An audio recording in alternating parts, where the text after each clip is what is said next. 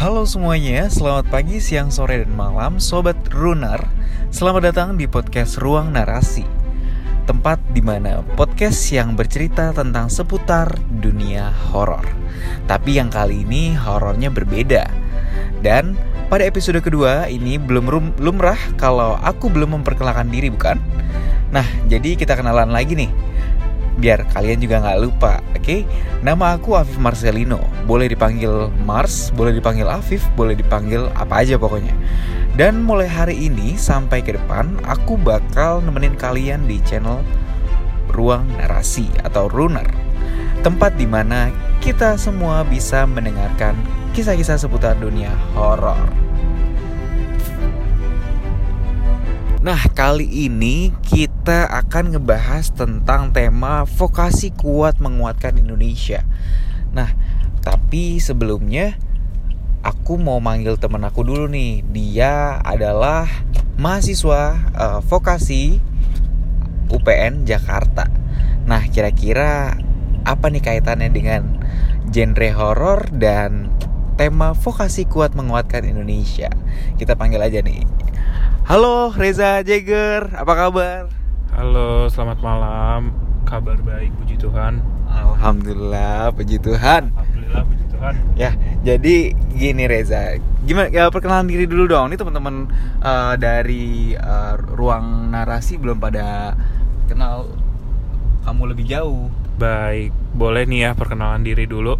Perkenalkan nama saya Reza Jagger, orang-orang manggil saya Eja Uh, saya mahasiswa vokasi Universitas Pembangunan Nasional Veteran Jakarta jurusan akuntansi angkatan 2019. Terima kasih. Oke, baik. Makasih, Ja. Nah, kira-kira nih, Ja, kita masuk ke tema uh, vokasi kuat menguatkan Indonesia. Tapi kamu tahulah di sini genrenya adalah horor. Kalau menurut kamu gimana nih, Ja? Uh, vokasi kuat menguatkan Indonesia apa apa yang bisa diambil dari tema ini?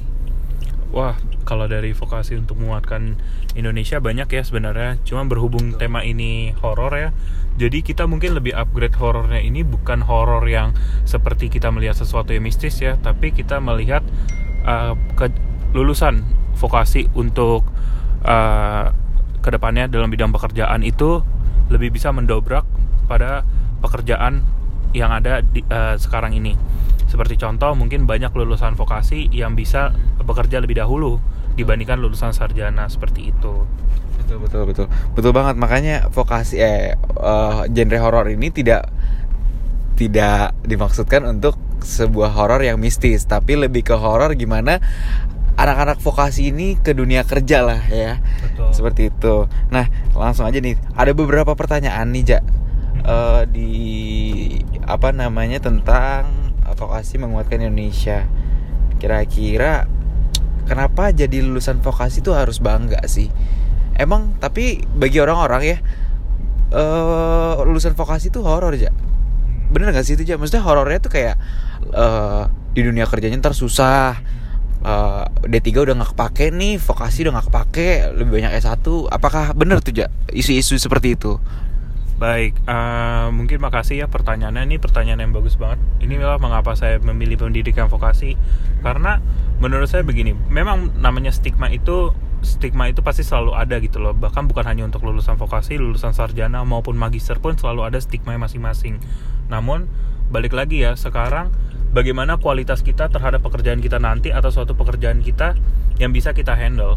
Apalagi lulusan vokasi itu kan lebih ditekankan di bidang keterampilan ya dibandingkan teori yang mana membuat di dalam dunia pekerjaan itu jauh lebih kuat sebenarnya. Namun pandangan orang yang buruk itu hanya karena melihat dia sekolahnya tiga tahun dan lebih uh, banyak ke praktek. Namun menurut saya uh, dengan adanya praktek ini justru lebih melancarkan kita sebagai lulusan vokasi untuk bekerja lebih baik. Untuk uh, mitos-mitos uh, yang ada, mungkin saya tidak menyalahkan, tapi memang benar ada. Namun dengan adanya mitos itu kita sebagai lulusan vokasi harusnya bisa dong merubah mindset itu. Dengan apa caranya? Kita akan mencari pekerjaan mungkin eh, sesuai lulusan vokasi.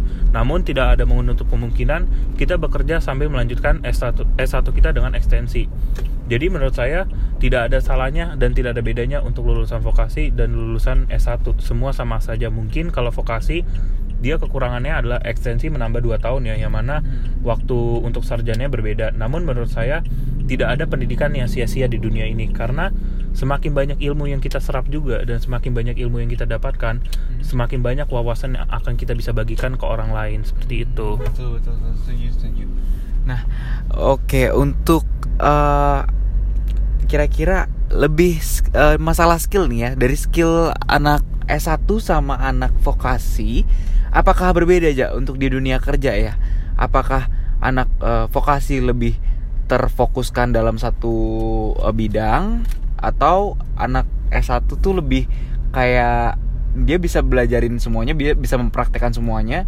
tapi nggak seperti anak vokasi yang benar-benar satu bidang dia tekunin banget baik menurut saya sebenarnya pertanyaan ini itu tidak bisa saya uh, jawab dengan pertanyaan sesuai apa yang saya ketahui karena menurut saya maupun lulusan vokasi S1 magister sekalipun semua orang itu punya keterampilan yang berbeda hmm. banyak orang yang lulusan sarjana juga hmm. tidak bisa menerapkan apa yang vokasi lakukan sebaliknya pun seperti itu hmm. namun menurut saya balik lagi kualitas kita sebagai seorang pekerja itu yang akan dinilai kita tidak melihat sebenarnya uh, lulusan dari mana, lulusan eh, D3 atau S1, menurut saya yang menentukan yang pertama adalah skill kita. Karena sepengalaman keluarga saya, saya memiliki keluarga yang lulusan SMA uh, eh, mendaftar pekerjaan uh, dengan saingan lawan S1. Namun karena beliau memiliki uh, apa skill, akhirnya beliau yang diterima. Okay. Jadi menurut saya balik lagi ya uh, kita nggak bisa menjudge hanya karena dia seorang vokasi oh vokasi hanya banyak praktek oh S1 hanya banyak teori karena balik lagi skill itu yang kita miliki hanya kita pribadi yang mengetahui itu Oke, okay, thank you Ja. Berarti kesimpulannya pada intinya sebenarnya kalau masalah lowongan kerja itu kan butuh tenaga yang terampil tuh. Betul. Nah, kalau masalah lowongan kerja D3 sama S1 ini ya bukan masalah ya, Ja. Lebih tepatnya di mereka di sini uh, meng apa ya? mengasah diri untuk bisa uh, terampil apa namanya? terampil dalam uh, pekerjaan ini maksudnya Betul. mempunyai skill bukan dari uh, dia lulusan D3, dia lulusan S1 lebih hebat D3 daripada S1. Bukan kayak gitu kan ya berarti? Bukan.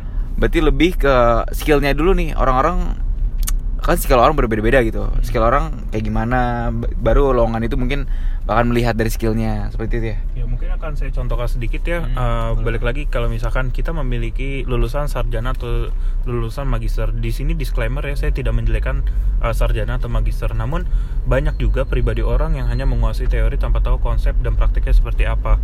Lalu kalau misalkan mereka hanya mempunyai teori yang mereka punya tanpa tidak mengetahui cara praktek ya hmm. itu buat apa juga gitu loh. Karena balik lagi sama tadi kayak pernyataan kamu kalau misalkan kamu bilang lebih banyak lowongan untuk S1 mungkin memang lebih banyak untuk S1 tapi bisa kita lihat banyak mendaftar S1 juga yang ditolak.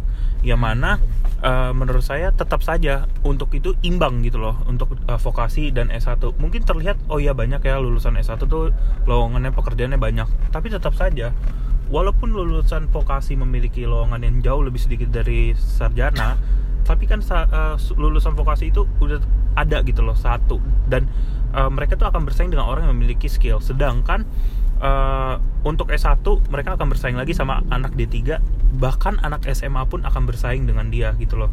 Dan menurut saya namanya pekerjaan itu lagi balik lagi seorang sarjana pun tidak mungkin lulus langsung mendapatkan pekerjaan. Semua itu pasti tuh ada true ups and true downs ya jadi menurut saya kalau misalkan soal pekerjaan ya semuanya imbang balik lagi gimana cara kita berusaha dan kita menjelaskan kepada saat lagi wawancara hmm. interview hmm. lebih meyakinkan gimana sih uh, requirement harus merequire kita okay, itu balik lagi sebenarnya ke pribadi diri sendiri sih bukan dari lulusan uh, kita vokasi atau sarjana seperti itu. Okay. Berarti kesimpulannya nih kalau dari saya sendiri ya maksudnya dari dari Mars uh, peluang sukses besar itu ada antara dari apa namanya mahasiswa perguruan tinggi mana saja dan entah itu D3, S1, S2 itu peluang sukses besar tuh ada. Dan uh, tidak akan menghalangi kamu untuk meraih kesuksesan yang lebih tinggi di masa depan. Asal tekad dan usaha berjalan beriringan. Betul kan ya itu intinya? Oke. Okay. mungkin ada kesan-kesan nggak nih Jan? Ini udah udah cukup lama kita ngobrol nih. betul nih kira-kira ada ada pesan nggak nih buat anak-anak vokasi yang minder atau eh, anak S1 yang minder, mungkin kelebihan dan kekurangan mereka yang bikin mereka minder untuk em, mencari lowongan pekerjaan yang eh, bisa dihasilkan Iya. nanti. Oke, eh, saya mungkin tidak menera- eh, memberi, saya akan memberi pesan nih satu eh, untuk bukan hanya vokasi dan eh, S1. Semua itu pasti akan disaingi. Maksudnya semua orang akan dibandingkan gitu loh. Balik lagi pasti semua orang dibandingkan tapi kita harus menciptakan kualitas yang terbaik untuk diri kita. Jangan kita merasa minder, oh saya lulusan D3, oh saya lulusan S1, oh saya bukan lulusan S2. Semua itu tidak akan ada habisnya karena banding-membanding itu tidak akan selesai.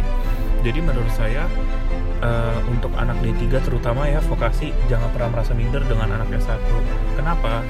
Karena kita juga harus yakin bahwa kita memiliki skill yang jauh lebih baik daripada anak S1. Eh, tetap semangat, tetap ngejalanin apa yang sudah kita dapatkan dan apa yang kita tekunin. Karena menurut saya tidak ada usaha yang sia-sia. Itu aja sih. Jadi tetap semangat aja. Wah tuh seru banget ya teman-teman dari Kak Reza sudah memaparkan tentang eh, vokasi untuk menguatkan Indonesia. Jadi untuk anak vokasi jangan jangan suka minder dengan anak S1 dan S anak S1 juga jangan minder juga dengan anak vokasi. Pasti semua ada kekurangan dan kelebihannya. Baik terima kasih banyak nih Kak Jagger udah mampir di podcast Ruang Narasi. Makasih banyak banget nih udah dijelasin juga ke teman-teman. Dan mungkin eh, sekarang cukup sekian dan kurang lebihnya mohon maaf. Wassalamualaikum warahmatullahi wabarakatuh.